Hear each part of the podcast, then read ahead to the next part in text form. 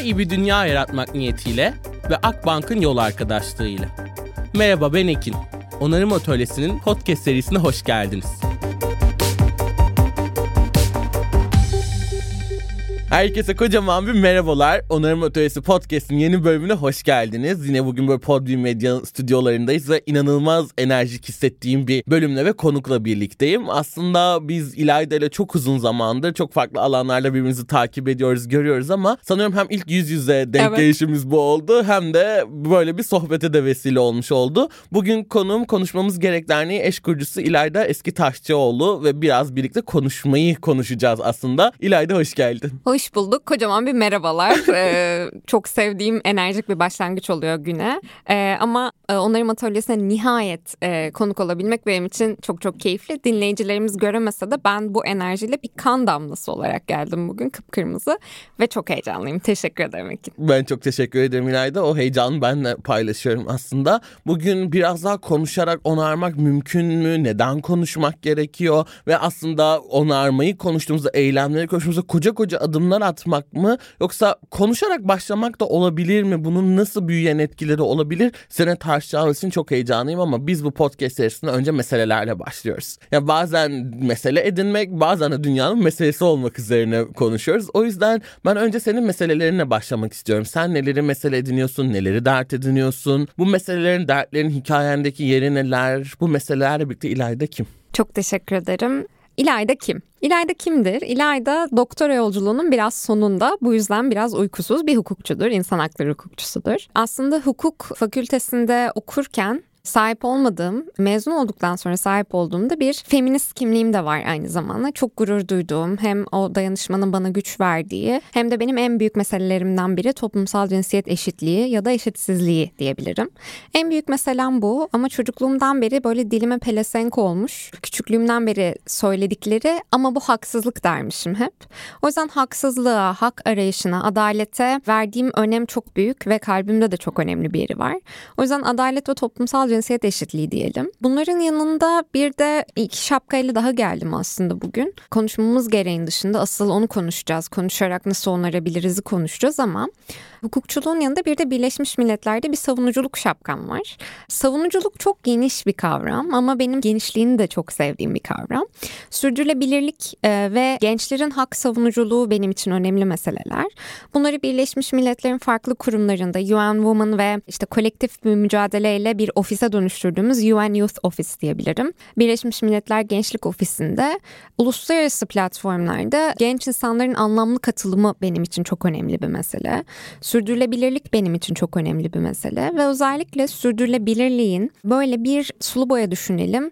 Sadece koyu yeşil bir fırçayı alıp diğer bütün renklerin üzerine sürüldüğü bir sürdürülebilirlik değil, daha renkli, sosyal adaletin de eşit derecede anlamlı olduğu bir sürdürülebilirlik benim mesela. Bu aralar bunun üzerine kafa yoruyorum. Bunun üzerine okuyup yazıyorum, çiziyorum. Ama galiba bu meselelerin ve kafamdaki şapkaların en büyüğü menstrual adalet. Benim en büyük meselem, bugün burada konuşacağım meselem de bu diyebilirim. Çok teşekkürler İlayda. Aslında Birleşmiş Milletler'le olan şeyi biraz daha açmak da istiyorum. Çünkü senin orada başka bir aslında şapkan da var. O şapkan ne, bu nasıl oldu onu da çok kısa duymak bence çok güzel olur. Tabii ki seve seve. Birleşmiş Milletler'de birkaç farklı şapkan birden var. Aslında biri e, Birleşmiş Milletler Kadın Biriminin ya da UN Women'ın 2019 yılından itibaren genç insanların toplumsal cinsiyet gündemine dahiliyetiyle ilgili çalışmaları var ve ben bu çalışmalarda bir e, küresel gençlik görev gücünde yer aldım. Orada aslında Türkiye'yi temsil etmiyordum. Türkiye ve e, komşu coğrafyalar diyelim. O kısmı yani burayı, bu bölgeyi temsil ederek orada e, çalıştım. Hala da aktif şekilde çalışmaya devam ediyorum. Burada gençlerin anlamlı katılımı işte bizim sürekli tartıştığımız tokenizm diye bir kavram var ya bu panellere baharat niyetine serpiştirilen genç insanlar ya da işte sadece bir çeşitlilik vitrinimiz renkli ve güzel olsun diye bu gibi etkinliklere platformlara serpiştirilen genç insanların böyle öfkesinin biriktiği hayır biz bu nesiller arası dayanışmanın bu nesiller arası diyaloğun bir parçasıyız. Hatta biz aynı zamanda e, ortak liderleriz. Birlikte bu hareketi üstlenmemiz lazım. Bir salonda karar alıcıların sadece stajyeri olarak, sadece not alanı olarak, sadece defterin, ceketin taşıyan kişiler olarak değil, sahnede konuşan konuşanlar olarak var olmayı hak ediyoruz gibi bir yerden gelen bir mücadele bizimkisi aslında. Bunun dışında da Birleşmiş Milletler Gençlik Ofisi'nin ki bu e, geçen seneye kadar Birleşmiş Milletler Genel Sekreterinin gençlik özel elçisiydi. Bu bile bence başlı başına bir veri. Bir gençlik ofisi yoktu yıllarca. Sadece bir özel elçilik vardı. Kolektif bir çabayla bunu e, bir bağımsız aynı Birleşmiş Milletler Kadın Birimi gibi UNICEF gibi bir birime dönüştürmeyi başardık. Genel kuruldan geçti bunun kararı. Artık Birleşmiş Milletler Gençlik Ofisi diyebilirim. Bu ofisin e, sürdürülebilir kalkınma amaçları için seçmiş olduğu dünyadan 17 genç lider arasında yer aldım. Burada da yine amacımız sürdürülebilir kalkınma gündemine genç insanların anlamlı dahiliyeti ve liderliğini yürütmekti.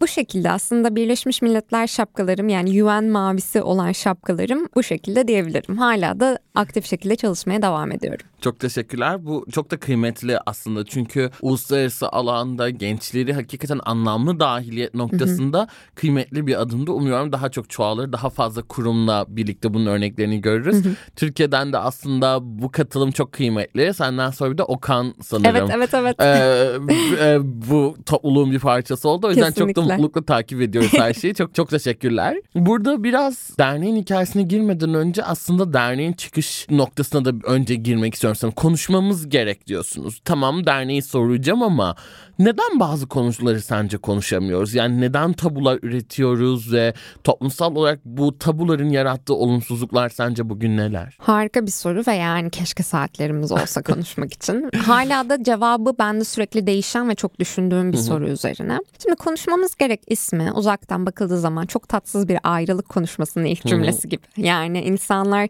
konuşmamız gerek cümlesini duyduğu zaman bir tüylerimiz ürperir ve bir geriliriz biraz değil mi? Aslında biraz oradan geliyor. Yani biz şakayla karışık kimsenin yapmak istemediği konuşmaya bir giriş yapmak, bir girizgah yapmak istedik. Tabular yani mücadele ettiğimiz tek şey tabular değil ama aslında en büyüğü yani tabuyla harmanlaşmış bir şekilde yoksulluk deneyimleriyle de mücadele ediyoruz ama tabular neden var oluyor?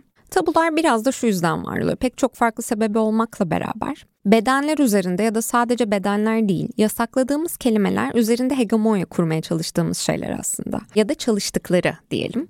Bu böyle ataerkil sistemin döngüsel bedenler, kadın bedenleri üzerinde yasaklamaya, görünmezleştirmeye çalıştığı şeyler genellikle tabu oluyor. Burada tabii ki bir yani bizim mücadelemizde elbette cinsellik tabusunun da çok çok önemli bir yeri var. Hı-hı. Biliyorum e, bizim asıl derneğin çalışmalarına henüz girmeden genel olarak tabuları Hı-hı. tartışıyoruz.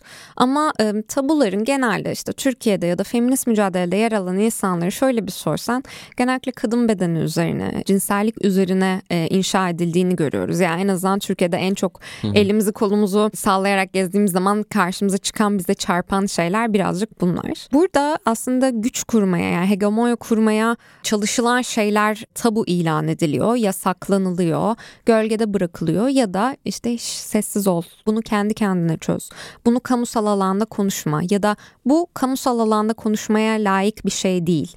Bizim çok daha önemli meselelerimiz var. Sen bunları kendin hanımlar lokalinde hallet, sessizlikte kendi başına gölgede ne yapıyorsan yap ve hallet zihniyetinden e, üretildiğini düşünüyoruz. En azından benim bakış açımdan bu böyle. Ve tabuları Rayka ile çok güzel bir sohbetiniz vardı. Hatta yolda gelirken bir tekrar dinledim. Çok sevdiğim bir şey var. Rayka'nın da söylediği ve senin de katıldığın. Tabular aynı zamanda sorgulamakla da ilgili. Yani bir tabuyu sadece yıkmak değil. Bu neden tabu? Neden yasak bir kelime? Neden ben bunu kamusal alanda konuşamıyorum? Neden kürsüde ya da mecliste dile getirilmesi, ağza alınması bu kadar ayıp ve günah hı hı. ve kirli? Biraz bunu tartışmak gerekiyor galiba. O yüzden tam da senin dediğin gibi konuşmak yani o kelimeyi tabu kelimeyi ağza almak aslında ilk adım. Yani biz burada tamamen yoksulluğu ya da tabuyu ya da menstrual adalet konusunu bitirme üzerine değil, buraya girizgah yapmak, buraya girmek ve e, bir diyaloğu başlatmak derdindeyiz. O yüzden tabularla mücadelenin ya da tabuları sorgulamanın, işte tabularla biraz oynamanın, gıdıklamanın en güzel yolu konuşmaya başlamak ve o hiç istenmeyen ayrılık konuşmasının ilk cümlesini kurabilmek galiba. Çok teşekkür ederim İlayda. Sanırım evet zor ikisi de. Tıpkı bir ayrılık başlangıcında olduğu gibi tabularla ilgili konuşmak da oldukça zor. Rayka'ya da atıf yaptın. Gerçekten o bölümde de konuştuğumuz biraz da o kırık insan, çatlak insan olabilmek gerekiyor evet. ki o yerinde duramayıp belki de tabularla ilgili konuşmaya başlamak. Tam da o ayrılık ürpertisi sanırım tabularla ilgili konuştuğumuz anda da üzerine insanların gelenlerden bir tanesi ama şey çok kıymetli bir konu. Hep yüzleşmeyi konuştuğumuz bir noktada bu podcast serisinde bir diğer üzerine durduğumuz konulardan bir tanesi de denk gelmek, rastlaşmak, kamusal alanda birbirini Kesinlikle. görmek. Sanırım konuşmak da bu yüzden çok önemli. Çünkü duydukça onunla olan korkumuz ve bilinmezliğimiz bilinmezliğimiz azaldıkça sanırım artık tabu olmaktan da o kadar uzaklaşıyor olacağız. Ve tam buradan da doğan şahane bir dernek var. Konuşmamız Gerek Derneği.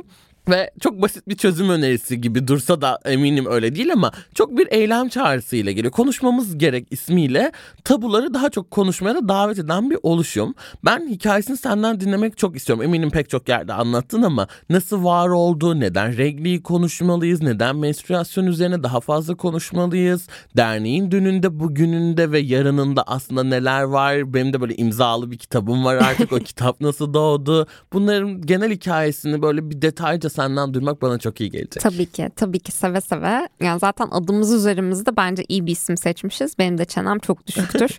Derce topluca anlatmaya çalışacağım Ekin.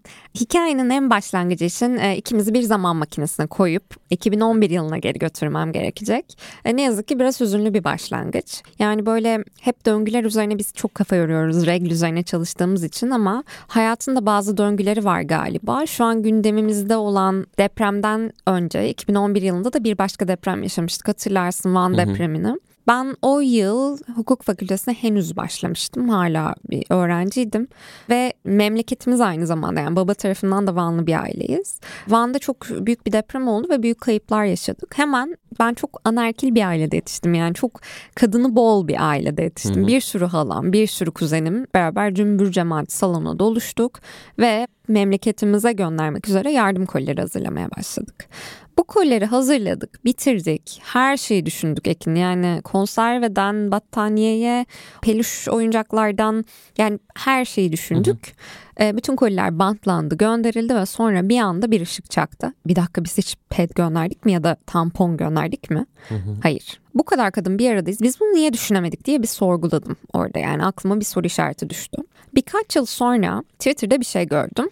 Türk Dil Kurumu sözlüğünde kirli kelimesinin anlamlarından birini güncellemişti. Kirli kelimesinin işte birinci tanımı pis, temiz olmayan, ikinci tanımı ay başındaki kadın. Şimdi bu bu arada da sosyal medyada o zamanlar ciddi bir böyle tepki de doğurmuştu. Bazıları bunu ya işte bu halk arasında argo bir kullanım bunu neden büyütüyorsunuz çok detaylara takılıyorsunuz diye e, bizi eleştirdiler ama bu tanımı okuyan bir kız çocuğunun kendi bedeni ve kendi yaşayacağı deneyimler hakkında ne düşüneceğini tahmin edebilirsin sanırım. yani kelimeler ve dil aslında çok anlamlı ve çok önemli. E, bu ikisi kafamda birleşti ve bir ışık çaktı. Birazcık biz bu regl deneyimine niye hiç konuşmuyoruz? Neden yokmuş gibi sayıyoruz? Niye hiç üzerine düşünmüyoruz? Sorgulamaya başladım. Bu arada bir programla o dönem G20 zirvesinin genç kadınlar için bir burslu programı vardı. G20 e, zirvesine misafir yani ev sahipliği yapan ülkeye G20 ülkelerinden birer genç kadın seçilip gönderiliyordu ve orada sosyal girişimcilik, toplumsal cinsiyet eşitliği gibi konularda neler yapabilecekleri üzerine böyle bir sıkıştırılmış eğitim alıyorlardı. Ben de kafamda bu fikirlerle bu G20 zirvesinin o seneki ev sahibi olan Çin'e gittim. Aslında Çin Seddi'ni görmeme o kadar uzaklara gitmeme gerek yokmuş. Çünkü tam olarak bu coğrafyada var olan bir sorun üzerine kafamdaki bu soru işaretleri orada edindiğim fikirlerle birleşti ve ben dönüş uçağında bu konuda bir şeyler yapmaya karar verdim. Çok mütevazı ve çok basit bir başlangıcı var aslında. Mezun olduğum lisenin koridorlarında bir kek börek kermesi düzenledik. Gönüllü lise öğrencileriyle beraber. Ve oradan biriktirdiğimiz parayla çevremizden, mahallemizden, ailemizden, doktorların yardımıyla ilk saha çalışmamızı benim memleketim olan Ankara'da bir gece konulu mahallesinde gerçekleştirdik. Ve konuşmamız gereğin ilk ilk saha çalışması demeyelim ama ilk projelerinden biri bu şekilde doğdu. Tam bu alanda neler yapılabilir biraz daha okuyup araştırıp araştırırken yaşım çıkacak ne yazık ki ama Facebook'tan bana bir genç kadın yazdı. Bugünkü canım ortağım Bahar. O da o dönem Chicago Üniversitesi'nde Türkiye'de kadınların evlilik öncesi cinsellik deneyimleri üzerine bir yüksek lisans araştırması yapıyor ve karşısına sürekli aslında cinsellik yanında ilk regl deneyimleri ya da regl deneyimlerine dair anılar sürekli karşısına çıkıyor. Benim bu işte yaptıklarımı gördükten sonra e, bana sosyal medya üzerinden bu şekilde ulaştı ve ben Adanalıyım ve e, mevsimlik tarım işlerine ulaşmak istediğini biliyorum. Gel beraber çalışalım, birlikte bir şeyler yapalım dedi. Ve bizim Bahar'la online bir şekilde e, başlayan bu dostluğumuz böyle bir ortaklığa, bir arkadaşlığa dönüştü. Asla planlayarak olmadı ama ilk büyük saha çalışmamızı yumurtalıkta gerçekleştirdik istedik. Yani denesek bu kadar olurdu galiba. Yumurtalıkta böyle yine yalvar yakar bir menstrual ürün firmasından işte birkaç yüz paket ped almak için yalvar yakar uğraşıp işte büyük emekler verip bir büyük saha çalışması düzenledik ve yumurtalıktaki mevsimlik tarım işleriyle çalışmaya başladık. Ardından bu hareket yavaş yavaş büyüdü ve biz konuşmamız gerek olarak konuşmamız gerek derneğine dönüştü zamanla bu ve sahadaki varlığımız giderek büyümeye başladı. Biz neyle mücadele ediyoruz? Burada belki bir 101'e geri dönmek iyi olabilir. Biz regl yoksulluğu ve regl tabusuyla mücadele ediyoruz. Peki o ne ola ki? Yani çok haklı bir soru. Biraz kulağa garip gelebilen bir kelime çünkü.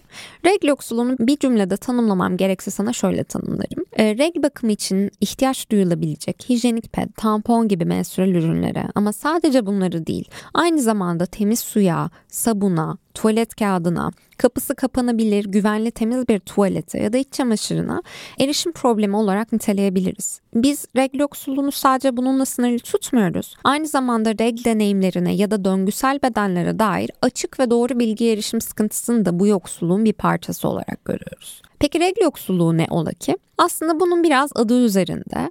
Regl olmanın ya da regl olan bedenlerin konuşulmasının ayıp, günah ya da kirli olarak görüldüğü sosyal norm. Biz bu ikisiyle mücadele ediyoruz aslında. Ama biz bu mücadelemizi zamanla okuyarak, gelişerek, büyüyerek olumsuzdan biraz daha olumluya taşıdık ve artık işte savaşıyoruz ifadesi yerine menstrual adalet için çalışıyoruz e, demeye başladık. Hı hı. Menstrual adaletin tabii pek çok farklı yansıması var, pek çok farklı alan var.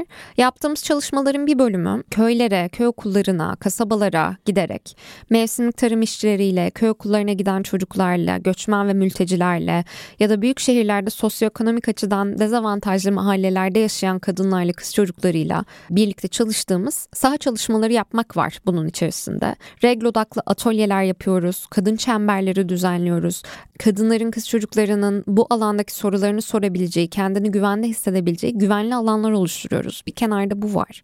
Bir kenarda da bunun savunuculuk ayağı var elbette. Regl yoksulluğu ve tabusuyla mücadele demek kamusal alanda da bunun konuşulabilirliği demek. Mesela en basit örneğinden menstrual ürünlerin daha adil vergilendirilmesi yani ekonominin yani bir ekonomik adalet meselesi aynı zamanda bir insan hakları meselesi. Bunun raporlamalarını yapmak Türkiye'de 2022 yılına kadar bu alandaki ilk araştırmayı biz yapana kadar bu alanda hiçbir veri yoktu. Ne yazık ki. Yani kimse regl bakım için gerekli ihtiyaçları erişebiliyor mu insanları sorgulamamıştı. Bu alanda veri toplamak, bilime dayalı veri üretebilmek, raporlamalar yapmak, savunuculuk yapmak da bunun bir ayağı. Bir diğer ayağı sana armağan ettiğimiz çocuk kitabı. Bu alanda yalnız hissettirmeyen öyküler üretmek. Yani hikaye anlatıcılığı gerçekten çok hı hı. önemli. Çünkü tek başına bir çocuk bir kız çocuğu tek başına regle olmuyor. Bu yani ya da biz 21. yüzyıldan itibaren de regle olmaya başlamadık. Bu binlerce yıldır devam eden bir şey ve binlerce yıldır aslında regl bakımı için kendi yöntemlerimizi üretiyoruz. Bununla nasıl başa çıkacağımızı biliyoruz. Sadece kendi bedenimize dönmek, kendi bedenimizi tanımak önemli ve e, o geliştirilen bir kas, öğrenilmesi gereken, yalnız olmadığını hikayelerle öğrenebildiğim bir deneyim aslında bir yolculuk bu. Bu yolculuğu kolaylaştırmak için bir nebze yaz yazdığımız çocuk kitabı hadi konuşalım gibi öyküler, hikayeler geliştiriyoruz ve bu deneyimleri çeşitlendirerek insanların yalnız olmadığını anlatmaya çalışıyoruz. Çalışmalarımız bu şekilde devam ediyor. Çok yakın bir zamanda Şubat aslında yakın da değil biliyor musun neredeyse bir yıl olacak. Şubat 2023'te çok büyük bir deprem yaşadık. Bir yıldır biz aktif şekilde deprem sahasında da çalışıyoruz. Daha önce de yani tabii Türkiye'de yıllardır mücadele verdiğimiz için doğal afet deneyimlerimiz vardı. Bölgeye regl bakımı odaklı destekler gönderiyorduk ama ilk defa gerçekten sahaya indiğimiz, aylarca sahada çalıştığımız Hatay ve Kahramanmaraş başta olmak üzere bir deprem sahası çalışmalarına giriştik aslında. Hatay ve Kahramanmaraş'ta hem kadın çemberleri hem reg, e, ergen oturumları düzenledik. Regl bakım kitleri hazırladık. Bunları mobil şekilde köy köy kasaba kasaba gezerek ulaştırdık. Ve deprem sahasında geçici barınma alanları nasıl daha regl dostu hale getirebileceğimiz, nasıl güvenli temiz tuvaletler, nasıl mahrem alanlar oluşturabileceğimize dair içerikler üretmeye başladık farklı dillerde. Bu konuda saha liderleriyle, sivil toplum kuruluşlarıyla, kamu kurumlarıyla birlikte çalışıyoruz. Mesele edindiğimiz şey bu aslında ve daha da yapacağımız çok şey var. Ama derli topluca bizim derdimiz ne, neler yapıyoruzu böyle özetleyebilirim. Çok konuştum Çok iyi yaptın, çok teşekkür ederim.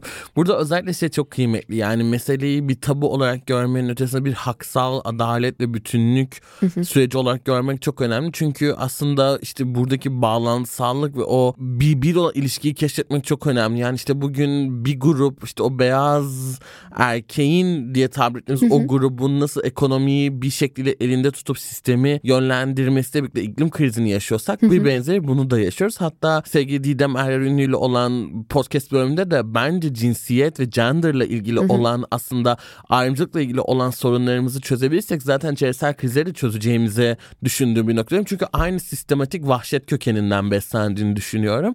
O yüzden bu meselenin de aslında tuvalete erişimden kapısı kapalı olabilecek temiz bir alana hı hı. erişime kadar da büyük bir haklar bütünü olduğunu görmek bana çok iyi geldi. Biraz sana bunu da sormak istiyorum. Yani regli ve ihtiyaçları neden bir hak? Bu meseleye nasıl daha hak temelli yaklaşabiliriz? Yani içinde bulunduğumuz 21. yüzyılın modern dünyasından ki bu podcast'i dinleyebilen kişilerin bir şekilde internete, bir telefona, bir cihaza Tabii. erişimi olduğunu düşündüğümüzde ve bir podcast dinleyicisi olduğunu düşündüğümüzde çok ayrıcalıklı bir grupta da yer aldığını düşündüğümüzde bu regliye nasıl daha haklar bütününde bakmak gerekiyor ve bununla birlikte meselenin kültürel dinamiklerini de özellikle deprem bölgesiyle ilgili senden çok duymak isterim. Yani ped isteyememek, regliyim diyememek ve bunun beraberinde getirdiklerini duymak çok isterim. Çok teşekkür ederim Ekin. Ya tekrardan hani ayrıcalığı tanıyarak yani ayrıcalıklarımızın farkında olarak sohbete başlamak çok kıymetli. Onu bazen unutabiliyoruz.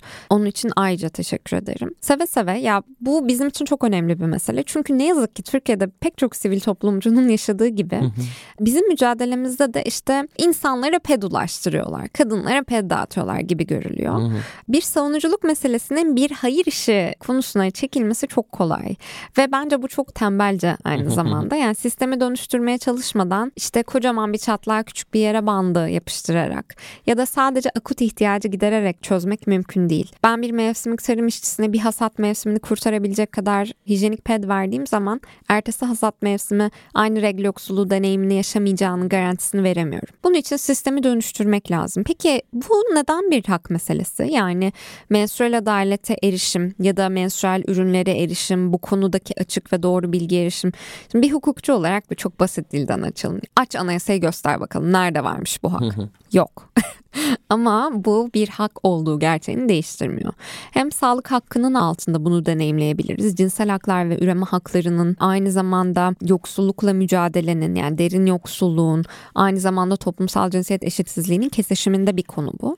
Evet belki anayasada bir hani açıp benim burada bizim genellikle yediğimiz linçler üzerinden olan bir dili anlatıyorum burada. Bedava ped hakkım yok ama ben zaten bedava ped hakkını savunmuyorum ya da böyle bir hakkı iddia etmiyorum. Ben sistemin e, reg deneyimlerini tamamen görünmezleştirdiği, tamamen yokmuş gibi saydığı bir sistemin karşısında duruyorum aslında ve hak mücadelemiz de biraz buradan geliyor. Yani şöyle bir gerçek var. Biz hiçbir zaman ya işte ped bulamayan kadınların sefaleti, işte ciddi yoksulluk, mantarlar, vajinal enfeksiyonlar böyle bir yerden yaklaşmıyoruz ama şu da bir gerçek. Menstrual adaleti sağlamadığımız sürece afet sahasındaki ya da okula giden ve sosyoekonomik açıdan dezavantajlı dezavantajlı mahallelerde yaşayan kız çocuklarının bu ürünlere erişimi olmadıkça evet kamusal alanda var olmaları gerçekten daha zor. Ve evet sağlık riskleriyle çok daha yani çok daha yüksek risklerle karşı karşıyalar. Bunlar bir kenarda bunlar bilimsel gerçekler. Gerçekçi bir yerde yani Türkiye'nin kültürel bağlamını da düşündüğümüz zaman bizim free bleeding dediğimiz hiçbir menstrual ürün olmadan kanayarak kamusal alanda var olabilmek pek çok insan için mümkün değil. Bu şekilde devlet okuluna gitmek, işe gidebilmek, tarlada çalışabilmek bunlar mümkün değil pek çok kadın ve kız çocuğu için. Demek ki bizim bu menstrual ürünlere yani çoğumuzun bu menstrual ürünlere ihtiyacı var ve bu bir temel ihtiyaç. Peki burada geri dönüp şunu sormak lazım. Neden devletler ve bu sadece Türkiye'ye özgü değil küresel olarak e, bu bir gerçek. Neden devletler bugüne kadar menstrual ürünleri devletlerin alabileceği en yüksek vergi oranıyla vergilendirmiş? Neden lüks kozmetik ürünü gibi vergilendirilmiş yıllarca bu ürünler? Tabii burada ister istemez karar alıcılara bir bakmak lazım. Regl olanların ne kadarı bu karar alıcılar arasında yer alabiliyor? Hı hı. Vergi politikalarını, ekonomi politikalarını kim nasıl şekillendiriyor?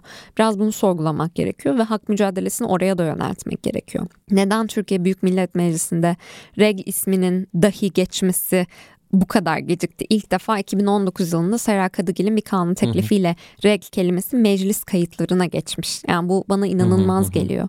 Daha iyi bir dünya yaratmak niyetiyle ve Akbank'ın yol arkadaşlığıyla onarım atölyesine kaldığımız yerden devam ediyoruz. Bu arada reg deneyimi o kadar yaygın ve o kadar yani çok çok genelleme yapacağım ama toplumun yarısının hı hı. E, hayatının belli bir döneminde yani büyük bir çoğunluğunun hayatının belli bir döneminde deneyimlediği bir şey. Hepimizin burada var olma sebebi vakti zamanında bir kız çocuğunun reg deneyimine yaşamaya başlamasından geliyor. Ama biz bu deneyimi, bu temel ihtiyacı milyonlarca liralık, milyonlarca dolarlık bir sektörü sanki yokmuş gibi, gölgede sessizce yaşanması gereken bir meseleymiş gibi görmüşüz ya da sisteme öyle inşa etmişiz. Demek ki bunun dönüşmesi lazım. Bizim hak temelli görmemizin bu şekilde ifade edebilirim sanıyorum. Bizim yapmaya çalıştığımız şey akut ihtiyacı giderecek insanlara, kalabalıklara ped fırlatmak değil. Bizim yapmaya çalıştığımız şey herkesin regl bakımını ihtiyaç duyduğu ürünlerle doğru bilgiyi alarak, kafasındaki soruları sorarak ve bir sağlık problemi yaşadığı zaman bunu gidip e, sağlık görevlilerine ya da aile üyelerine ya da öğretmenine sorabildiği bir düzeni inşa etmek. Hı hı. Bu yüzden aslında bu bir hak savunuculuğu meselesi, bu bir hayır işi meselesi değil.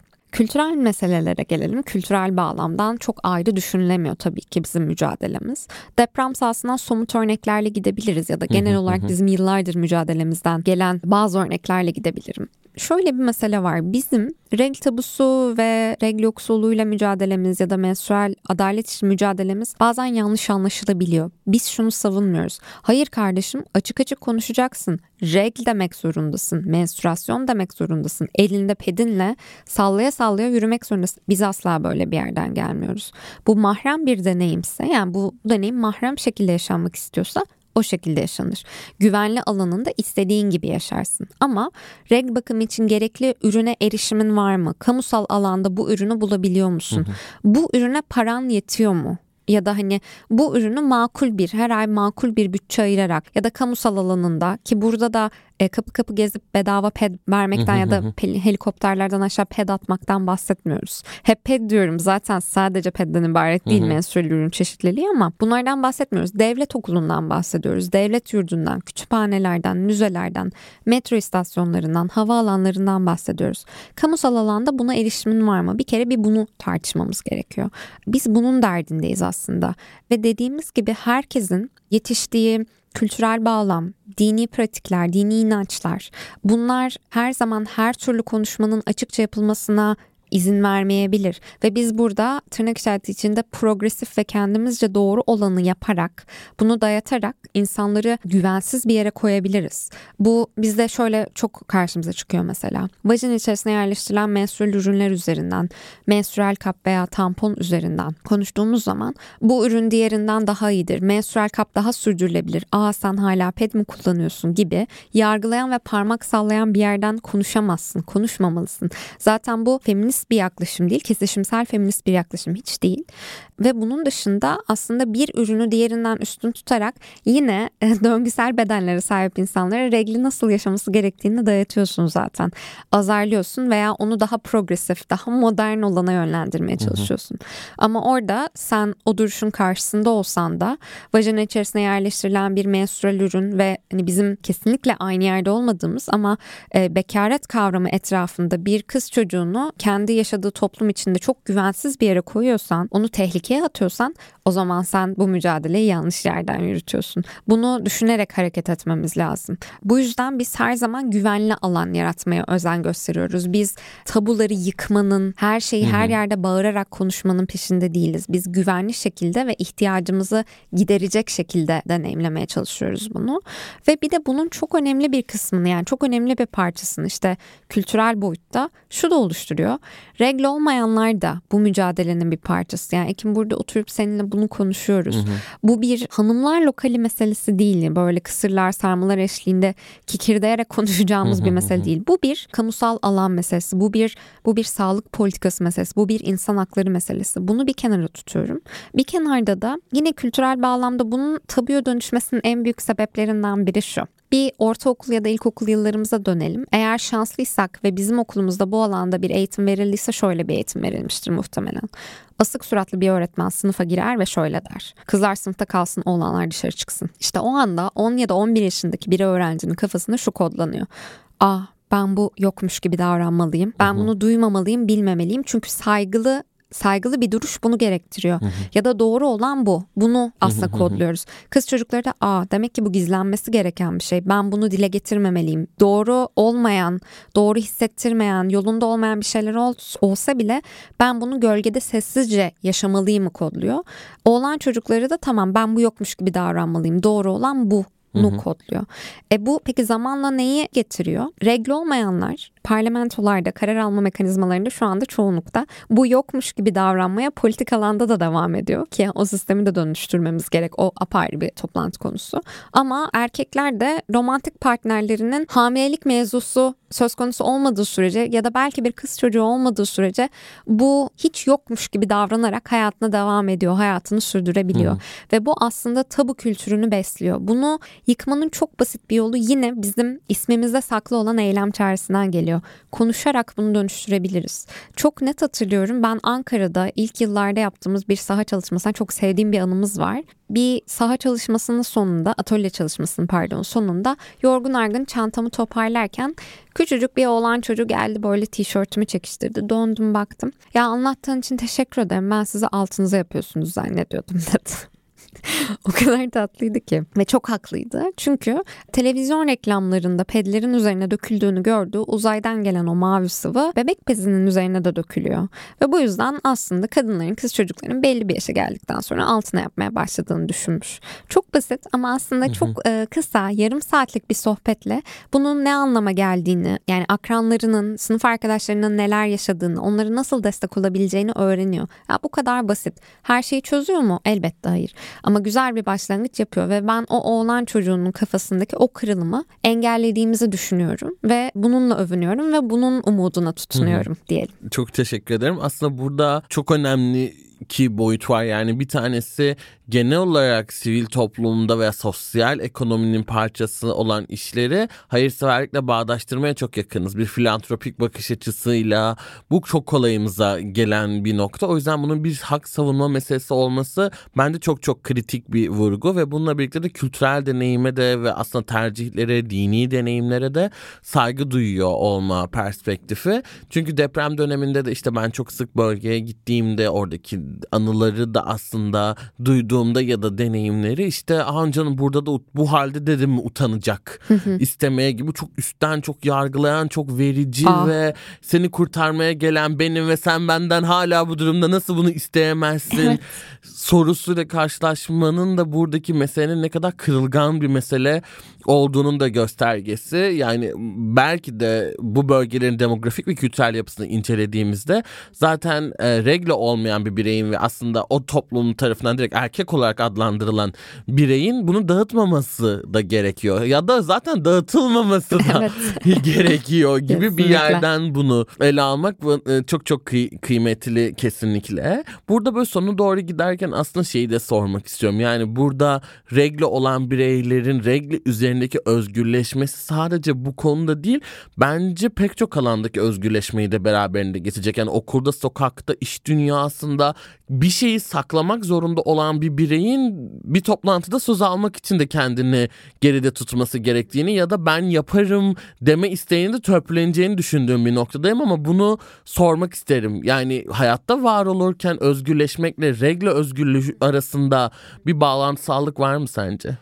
Bir kere regl özgürlüğü ifadesine bayıldım Ekin. Yani ağzına ve aklına sağlık.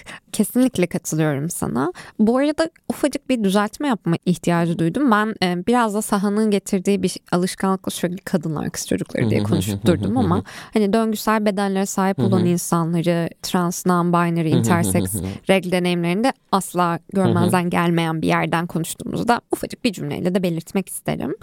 Kesinlikle katılıyorum sana.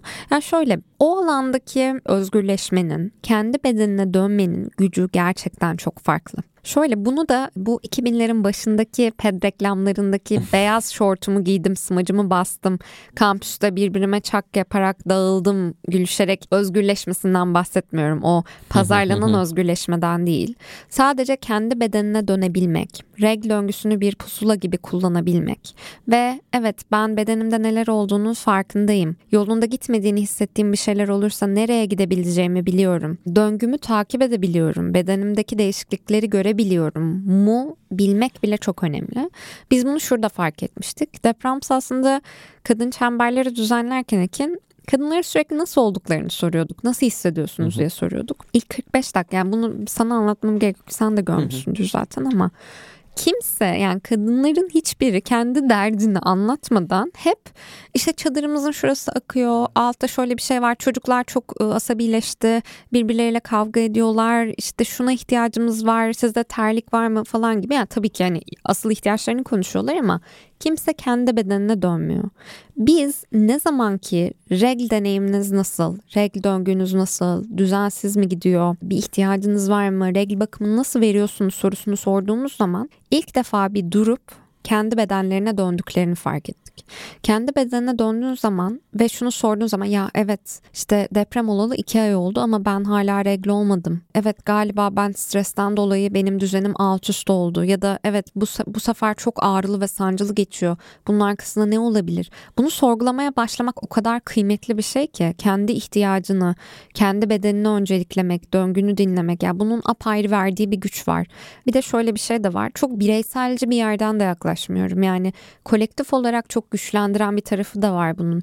Onun yarattığı duygudaşlığı başka şeyler yaratmıyor. Burada hepimiz kanıyoruz. Hepimizin regl deneyimleri var deyip o e, kadın çemberinde başka şekilde kuramadığımız bir güven ortamı hı hı. kurabiliyoruz. Bir kere bu var kenarda. Bir diğeri de aynen öyle yani. Bir kız çocuğunun bu senin bedenin bunu sen takip edebilirsin. Neler olduğunu biliyorsun. Şu an bilgiyle donanmış durumdasın. Yolunda gitmeyen şeyler olursa buralara buralara buralara danışabilir, sorabilirsin. Bilgisini vermek, o hazırlıklılık hissi çok farklı. Yani böyle bilgiyle donanmış, ne yaşayacağını bilen, bunun bir büyüme ama kadın olma değil. Sadece büyüme ve gelişme emaresi olduğunu bilen bir çocuğun özgüvenini koy bir kenara. Diğer kenara da ilk reg deneyimde suratına tokat patlayan bir çocuğu koy.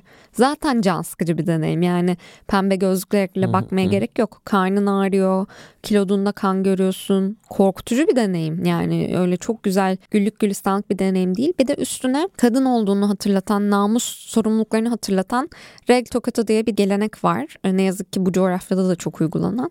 Bir de üstüne bir tokat diyorsun. Yani bu ikisini karşılaş. Çok ekstrem örnekler verdim ve asla burada regli çok böyle sefaletle özdeşleştirdiğim bir yerde asla değilim ama anlıyorsun. Yani bu çocuğun hazırlıklılık hissi, kendi bedenini tanıma, kendini öncelikleme hissi çok farklı olacak ve hayatta bambaşka adımlar atacak. Bunu görebiliyorsun ve bunu da çok kritik bir yaşta işte 9-11 yaş arası ya da 12 yaş diyelim. 9-12 yaş arası çok önemli kırılımların olduğu bir yaşta verdiğimiz zaman işte orada böyle bir sürdürülebilir bir kaynak güçlü bir temel oluşturabiliyoruz. Biz biraz da onun derdindeyiz galiba. Şahane. Bu, bu çok önemli. Özellikle aslında regle olan bireylerin gelecek yaşamında da kendini özgürce var edebilmesi için çok önemli bir eşik diye düşünüyorum. Ve son olarak şeyi de sormak istiyorum. Nasıl cesaretlendireceğiz? Yani kız çocukları diye burada adlandırıyor olacağım özellikle. Kız çocuklarını ya da nasıl cesaretlenecekler? Biz değil. Onlar kendilerini nasıl cesaretlendirecekler? Bu tabuların aksine güçlenen bir kız çocuğu hikayesi için neye ihtiyacımız var? klişe ve çok beklenen konuşmaya falan diye cevap veriyormuş. Hayır ama gerçekten konuşma. Öncelikle konuşmaya ve kendi döngüsel bedenlerimize daha iyi ilişkiler kurmaya ihtiyacımız var. Bu yani bence sadece döngüsel beden olan insanlar için geçerli değil.